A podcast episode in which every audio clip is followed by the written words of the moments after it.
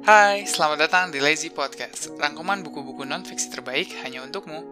Podcast ini berisi rangkuman audio dari lazylibrary.id yang bisa kamu kunjungi via browser. Ikuti media sosial kami di Instagram at lazylibrary.id dan Twitter at lazylibraryid ya. Buku kali ini berjudul Truth oleh Hector McDonald. Bukunya tentang apa sih? Kita nggak bisa menghindar dari kebenaran, baik di TV, akun-akun gosip media sosial, atau di headline berita. Kamu akan menemukan berbagai macam klaim dalam tanda kutip kebenaran. Entah itu dari politisi yang suka mengumbar janji saat kampanye, atau dari perusahaan yang giat mempromosikan produk mereka. Dalam buku ini, kita akan melihat bagaimana berita yang kita baca, opini yang kita miliki, dan sejarah yang kita ketahui hanya mencerminkan satu sisi cerita. Kebenaran dapat dimanipulasi untuk kepentingan terburuk, baik itu oleh perusahaan yang jahat atau politisi yang ingin menimbulkan perpecahan. Kebenaran juga bisa digunakan untuk hal-hal baik, seperti menaikkan moral pegawai atau meraih kemenangan untuk tujuan yang mulia. Kemudian, kita juga akan belajar cara mempersenjatai diri di dalam dunia yang kebenaran itu saling berlomba-lomba, serta cara membedakan antara fakta dan hoax. Saat berita hoax, data-data statistik yang membingungkan, dan iklan-iklan manipulatif berputar di sekitar kita, kebenaran tetap menjadi pertahanan terbaik melawan hal-hal itu. Lantas, apa saja yang akan kita pelajari? Pertama, bagaimana George Bush meninggalkan peninggalan yang rumit. Kedua, tiga macam orang yang memakai kebenaran untuk kepentingan yang berbeda. Dan ketiga, bagaimana penulisan sejarah yang selektif dapat mempengaruhi sikap masyarakat. Mari kita mulai dengan situasi kebenaran saat ini. Bagian 1. Ada banyak klaim kebenaran dan semuanya bisa jadi benar. Kita sering mendapatkan nasihat untuk membaca berbagai sumber agar mengetahui garis besar dari situasi yang sedang terjadi. Misalnya, Metro TV mengklaim A, TV One mengklaim B, Tempo mengklaim C, dan sebagainya. Lebih dekat, kita sering menemukan adanya berbagai cara yang sama-sama logis untuk menjelaskan sesuatu. Misalnya, seseorang dapat mengklaim bahwa internet itu baik karena internet membuka akses informasi tanpa batas pada semua orang. Sementara itu, orang lain bisa mengklaim bahwa internet itu buruk. Alasannya adalah karena banyaknya informasi salah juga bertebaran di internet. Kedua klaim ini sama-sama benar, Internet memang memberikan akses informasi yang sangat luas dan bermanfaat, namun beberapa informasi tidak selalu benar, malah dapat menyesatkan. Suatu hal bisa dipandang berbeda oleh setiap orang. Ambil contoh Presiden Amerika Serikat George Bush. Setelah turun dari kursi kepresidenan, peninggalan Bush yang bisa diingat hanyalah invasinya ke Irak.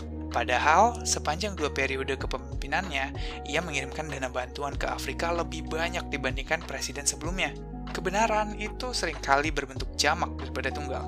Saat kamu mendengar sesuatu yang dinyatakan sebagai kebenaran, coba cermati kebenaran tersebut dan lihat secara lebih menyeluruh sebelum memberi penilaian. Selanjutnya, kita akan mencari tahu bagaimana penilaian kita bisa terbentuk dari kebenaran yang dipilih oleh orang lain. Bagian 2. Kebenaran selektif yang membentuk pola pikir dan tindakan kita bagaimana cara kita membentuk opini terhadap seorang public figure, negara yang belum pernah kita kunjungi, atau produk impor dari negara lain. Semua itu bisa dimulai dari sebuah komentar di media sosial atau headline berita yang dilihat sekilas. Apa yang kita dengar pertama kali dapat membentuk ide kita tentang sesuatu. Misalnya, sebuah makanan bernama quinoa merebut perhatian banyak orang karena manfaatnya yang begitu besar untuk kesehatan. Banyak orang memuji manfaatnya, Bahkan, NASA menyatakan quinoa sebagai makanan paling seimbang di muka bumi. Namun, muncul laporan bahwa permintaan yang terus meningkat malah menghancurkan lingkungan pegunungan Andes, tempat quinoa dikembangkan. Pikiran kita rentan terhadap kesan pertama. Kalau kamu pertama kali mendengar tentang quinoa dari kritikus makanan, kamu mungkin ingin membelinya. Tetapi, kalau kamu mendengar quinoa dari aktivis lingkungan, kamu mungkin akan mencerca orang-orang yang mengkonsumsi quinoa karena sudah merusak lingkungan pegunungan Andes. Kebenaran-kebenaran selektif seperti ini dapat meninggalkan kesan jangka panjang. Apa yang kita percaya dapat membuat pola pikir kita terus berkembang. Secara terus-menerus, kebenaran yang selektif ini dapat menentukan keputusan penting yang kita buat. Contohnya, cara kita memilih, berbelanja, dan berinteraksi dengan orang lain. Jadi, sebelum membentuk opini, penting untuk selalu mengecek kebenaran yang ada, sehingga kita bisa melihat dari berbagai sudut pandang. Dalam bab berikutnya, kita akan melihat bagaimana sebuah kebenaran ditampilkan untuk memberitahu atau menipu kita. Bagian 3. Kebenaran selektif sebagai pisau bermata dua. Cara kita menggunakan kebenaran merupakan hal penting. Kebenaran selektif yang digunakan untuk hal baik dapat menaikkan semangat, menyadarkan seseorang atas tindakan buruk, atau juga sukses membawa mereka dari titik A ke titik B. Di saat yang sama, kebenaran selektif juga dapat digunakan untuk menipu, bahkan menghancurkan. Mari kita lihat bagaimana kebenaran selektif digunakan dengan bertanggung jawab. Contohnya adalah saat kita pergi ke dokter dan meminta diagnosis. Daripada memberikan penjelasan panjang lebar tentang proses biologis yang menyebabkan penyakit kita, dokter biasanya hanya akan memberikan fakta singkat dan jelas, serta memberitahu apa yang harus kita lakukan selanjutnya. Sekarang, kita lihat bagaimana kebenaran selektif justru digunakan untuk hal buruk. Pada 2016, Departemen Kesehatan Texas menerbitkan buklet untuk ibu hamil yang menghubungkan antara aborsi dengan kanker payudara. Dengan pemilihan kata yang cerdas, buklet ini menyiratkan bahwa aborsi dapat meningkatkan risiko kanker payudara. Hal ini dibuktikan tidak benar dari bukti ilmiah. Buklet tersebut menyatakan bahwa jika Anda melahirkan bayi, maka Anda dapat mengurangi risiko kanker payudara. Memang benar bahwa melahirkan tampak dapat mengurangi risiko tersebut. Akan tetapi, tidak benar jika aborsi justru dapat meningkatkan risiko. Contoh tersebut adalah bukti bagaimana kebenaran dimanipulasi untuk kepentingan tertentu. Departemen Kesehatan Texas ingin mengubah tanggapan penduduk Texas terhadap isu aborsi, sehingga mereka menciptakan kesan yang menyesatkan atas fakta yang ada. Selanjutnya, kita akan mempelajari bagaimana kebenaran bermata dua digunakan oleh tiga jenis orang yang memiliki tujuan yang berbeda-beda. Bagian 4 advocate, misinformer, dan misleader. Tiga jenis pemakai kebenaran. Sederhananya, kita bisa membedakan tiga jenis orang yang menggunakan kebenaran untuk kepentingan tertentu. Jenis pertama adalah advocate. Mereka menggunakan kebenaran untuk menciptakan kesan yang cukup akurat terhadap situasi yang terjadi demi mencapai tujuan yang berguna. Misalnya, pemerintah membuat pengumuman tentang apa yang harus dilakukan selama pandemi, dengan menyeleksi informasi yang tepat, pemerintah memiliki tujuan mulia untuk melindungi penduduk dan negara mereka. Selanjutnya adalah misinformer. Mereka tanpa sengaja menyebarkan informasi yang salah. Contoh, pada tahun 1991, dua psikolog asal California State University menyatakan bahwa orang-orang kidal cenderung berumur pendek. Dari hasil studi terhadap 1000 kematian warga California, rata-rata orang bertangan kanan meninggal pada usia 75 tahun. Sedangkan orang kidal meninggal pada usia 66 tahun. Studi mereka dilaporkan oleh media internasional seperti BBC dan New York Times. Sayangnya, studi mereka ini mengandung salah tafsir. Generasi sebelumnya cenderung mendiskriminasi orang kidal sehingga banyak orang tua yang mengkoreksi anak mereka yang kidal, sehingga mereka menjadi bertangan kanan. Di sini, bukan berarti bahwa orang kidal itu berumur pendek, melainkan jumlah mereka yang sedikit karena kebanyakan dari mereka dipaksa untuk menjadi bertangan kanan. Kedua psikolog itu pun tanpa sadar menjadi misinformer. Terakhir adalah misleader. Mereka ini sengaja menggunakan kebenaran untuk menciptakan kesan terhadap realita yang mereka tahu salah. Contohnya adalah artis TikTok yang banyak mempopulerkan tips dan trik kecantikan yang tampak menarik untuk dicoba. Sayangnya, tidak semua cara yang mereka promosikan atau bahan yang digunakan terbukti aman untuk kulit. Mereka mungkin tahu kalau itu salah, namun mereka melakukannya demi mendapatkan ketenaran. Sebelum kebenaran sampai di tangan ketiga jenis orang di atas, kebenaran tergolong netral secara moral. Selanjutnya, semuanya bergantung pada bagaimana kebenaran tersebut digunakan. Saat kamu mendengar seseorang menyatakan suatu kebenaran, cobalah pertimbangkan asal-usul kebenaran tersebut. Kamu harus tahu benar apa yang kamu tonton dan dengar. Setelah mengetahui tiga jenis orang itu, kita akan melihat bagaimana kebenaran dipakai untuk menulis ulang sejarah yang sudah ada. Bagian 5 Kebenaran selektif untuk merekayasa sejarah. Kita sering mendengar ucapan sejarah ditulis oleh pemenang.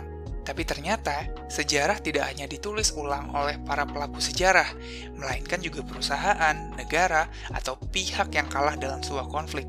Melalui penceritaan yang selektif, beberapa kejadian penting dapat dihapus dari pemahaman kita terhadap masa lalu. Sebagai contoh, para murid di Israel tidak akan pernah menemukan peristiwa eksodus orang Palestina pada tahun 1948 dalam buku sejarah mereka. Kepergian massal ini disebut Nakba, yang dalam bahasa Arab berarti bencana. Selama Nakba, 700 ribu orang Palestina dipaksa untuk meninggalkan kampung halaman mereka. Penggambaran sejarah yang selektif dapat menimbulkan akibat yang fatal di masa depan. Hal ini dapat dilihat pada penghilangan sejarah kaum kulit hitam di Amerika Serikat. Pada 2015, Texas memutuskan untuk menghilangkan hukum Jim Crow yang rasis dan Ku Klux Klan dari buku sejarah mereka. Para murid di Texas juga diajarkan alternatif dari perang saudara di Amerika Serikat, di mana perang tersebut hanya disebabkan oleh, dalam tanda kutip, hak negara, tanpa mempelajari bahwa perbudakan adalah hak terpenting yang diperjuangkan pada saat itu. Tindakan meremehkan perbudakan dan rasisme ini menimbulkan akibat fatal terhadap sikap penduduk Amerika. Akibat dari ketidakpedulian tersebut, kelompok supremasi kulit putih menghimpun kekuatan mereka dan menyebarkan narasi yang salah dan untungkan mereka. Oleh karena itu, kita perlu mempelajari sejarah dengan teliti. Lihatlah sejarah dari sisi yang berbeda. Ini menjadi pertahanan terbaik melawan cerita sesat yang ingin mengeksploitasi kita. Masih membahas seputar sejarah, dalam bab berikutnya kita akan melihat bagaimana kebenaran moral ada di sepanjang sejarah, budaya, dan masyarakat yang berbeda-beda. Masih membahas tentang sejarah, dalam berikutnya kita akan melihat berbagai kebenaran yang berkembang di sepanjang sejarah, budaya, dan masyarakat yang berbeda-beda. Bagian 6. Perbedaan kebenaran moral di sepanjang sejarah, budaya, dan masyarakat. Sejak dulu, masyarakat dengan sejarah dan budaya yang berbeda-beda memegang kebenaran dan standar moral yang berbeda pula.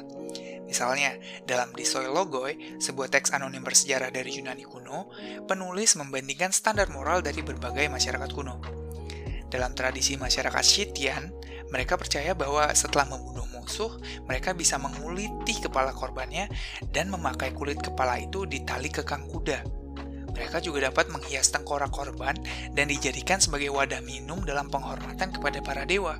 Bagi orang Yunani kuno, tradisi seperti ini tentu dipandang sebagai sebuah kebiadaban, serta tidak ada orang Yunani kuno yang mau memasuki rumah orang yang melakukan tradisi ini. Perbedaan standar moral seperti ini juga terjadi di zaman modern. Ketika pernikahan sesama jenis telah disahkan di Amerika dan Eropa, wilayah Timur Tengah menganggap homoseksualitas itu harus dijatuhi hukuman mati. Standar moral juga dapat berubah seiring berjalannya waktu. Pada abad ke-19, banyak orang termasuk Ratu Victoria dan Paus Vatikan meminum Vin Mariani yang ternyata mengandung kokain. Beberapa tokoh penting seperti Charles Dickens misalnya juga mengkonsumsi opium.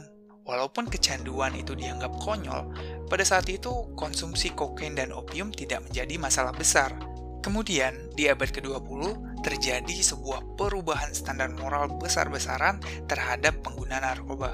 Pemerintah yang memahami bahaya kecanduan narkoba mulai menggencarkan propaganda untuk mencela penggunanya dan dalam tanda kutip memperbaiki moral mereka. Taktik ini dicapai dengan menghubungkan kecanduan dengan kelompok-kelompok minoritas seperti kaum gay dan kulit hitam. Saat ini muncul perlakuan yang lebih toleran terhadap pengguna narkoba, yang mana menganggap kecanduan sebagai penyakit karena pengaruh lingkungan daripada hanya sekadar kriminalitas. Berikutnya, kita akan melihat bagaimana angka-angka dapat dimanipulasi untuk mendukung kebenaran yang ada. Bagian 7. Angka sebagai pendukung kebenaran. Dalam era informasi, kita sering tenggelam dalam angka-angka. Pemerintah memberitahu jumlah anggaran yang dihabiskan. Headline berita memperingatkan kita dengan data statistik, serta rak supermarket yang dibanjiri persenan diskon. Angka bisa digunakan untuk mendukung kebenaran. Misalnya, Swedia menjadi negara dengan tingkat insiden pemerkosaan tertinggi kedua di dunia. Terdapat 60 kasus per 100 ribu warga setiap tahunnya namun, angka ini mencerminkan penanganan yang baik terhadap laporan pemerkosaan dan definisi yang lebih luas terhadap pemerkosaan. Karena kebanyakan dari kita bukan pakar, kita bisa disesatkan oleh angka. Misalnya, pada 2017, Perdana Menteri Inggris Theresa May menyatakan bahwa ia menginvestasikan 2 miliar pound sterling untuk perumahan dengan harga terjangkau. Meskipun terdengar mahal, biaya ini hanya cukup untuk membangun 25.000 rumah tambahan. Angka ini tidak akan cukup untuk 1,2 juta keluarga yang menanti dibangunnya rumah untuk ditinggali. Jadi, sebelum kamu terpesona atau cemas oleh angka-angka yang kamu baca, kamu harus mempertanyakan bagaimana angka itu digunakan. Apa konteks besarnya? Apakah angka itu dikutip untuk membuatmu terkesan atau khawatir? Saat kamu melihat headline berita dengan angka yang menggegerkan, cobalah gali lebih jauh maksud dari angka tersebut. Pertanyaan selanjutnya, apa yang dapat kita lakukan dengan kebenaran? Bagian 8 di tangan yang tepat, kebenaran dapat membuat perubahan. Jika dipilih dengan bijak, kebenaran dapat digunakan untuk memotivasi pegawai. Bayangkan saat kamu harus membimbing seorang pegawai baru misalnya. Apa yang akan kamu katakan? Apakah bahwa gajinya tidak akan naik, rekan kerjanya sangat berantakan, atau pekerjaannya bisa jadi sedikit membosankan? Semua itu mungkin benar. Tapi, tentu akan lebih baik kalau kamu mengatakan tentang kesempatan mempelajari kemampuan baru atau perjalanan ke kantor cabang di luar negeri. Cerita seperti ini dapat membentuk sikap pegawai saat bekerja. Di bank multinasional asal Inggris, Barclays, pegawainya sering diingatkan tentang sejarah penemu Barclays serta prinsip mereka tentang kejujuran, integritas, dan transaksi yang nyaman. Dalam profesi yang sering difitnah atas kecerobohan dan ketamakan, kisah ini menjadi pengingat bagi pegawai mereka bahwa dunia perbankan tidak selalu diartikan sebagai kejahatan, serta mereka bisa berbangga dengan pekerjaan mereka. Perusahaan yang ingin mendefinisikan merek mereka juga harus memilih kebenaran terbaik. Misalnya, pada tahun 90-an, perusahaan telekomunikasi Ericsson merupakan produsen ponsel terbesar di dunia. Kini, Ericsson berfokus untuk menghubungkan teknologi otomatis, termasuk bekerja sama dengan perusahaan ekspedisi asal Denmark, Maersk, serta produsen kendaraan seperti Volvo dan Scania. Agar konsumen dan pegawai memahami tujuan ini, Ericsson berfokus pada sejarah mereka sebagai pionir teknologi. Pendiri Ericsson, Lars Magnus Ericsson, mulai mendesain model telepon pada 1878, serta peluncuran sistem telepon seluler pertama pada 1981. Memang terdapat banyak cara untuk mendeskripsikan perusahaan besar ini, tapi aspek khusus ini penting untuk menampilkan sisi futuristik dan inovatif Ericsson. Hal ini akan membantu pegawai untuk bergerak ke arah baru serta membuat konsumen memilih Ericsson. Dari sini kita bisa melihat bahwa pengusaha yang cerdas dan tangkas dapat membentuk dunia di sekitar mereka dengan kebenaran yang tepat dan disampaikan pada waktu yang tepat pula. Terima kasih sudah mendengarkan rangkuman Truth. Dalam rangkuman ini, kita telah mempelajari bahwa dunia ini dipenuhi oleh kebenaran yang saling bersaing di mana hal-hal yang berbeda dapat menjadi kebenaran di saat yang bersamaan. Kebenaran dapat dipakai oleh mereka yang ingin menyesatkan, mereka yang tidak sengaja menyebarkan informasi yang salah, hingga mereka yang ingin menginspirasi orang lain. Kita dapat menentukan sendiri cara kita menafsirkan bagaimana kebenaran itu digunakan, entah itu oleh politisi, perusahaan, atau media massa. Oleh karena itu, saat kita hendak membentuk opini, kita tidak lagi didasarkan pada sebagian informasi saja, melainkan semua informasi dari berbagai sudut pandang. Lalu petikan ilmunya apa? Cobalah dengarkan cerita dari sisi yang berbeda. Lain kali saat kamu mendengar opini orang lain yang membuatmu berpikir, kok orang ini bisa mikir kayak gini sih? Coba berhenti sejenak, tarik napas, dan pahami cara pandang serta perbedaan kebenaran yang telah membentuk opini tersebut. Kadang kamu akan berpikir kalau dia mungkin ada benarnya. Kalau tidak, setidaknya kamu bisa memahami kenapa dia berpikir seperti itu. Jika kita semua melakukan ini, maka menghindari konflik dan perpecahan bukanlah hal sulit. Capai diri terbaikmu dengan rangkuman fiksi terbaik dari kami. Ikuti kami di Instagram at lazylibrary.id dan Twitter at lazylibraryid ya. Serta jangan lupa untuk share rangkuman ini ke orang-orang terdekatmu ya.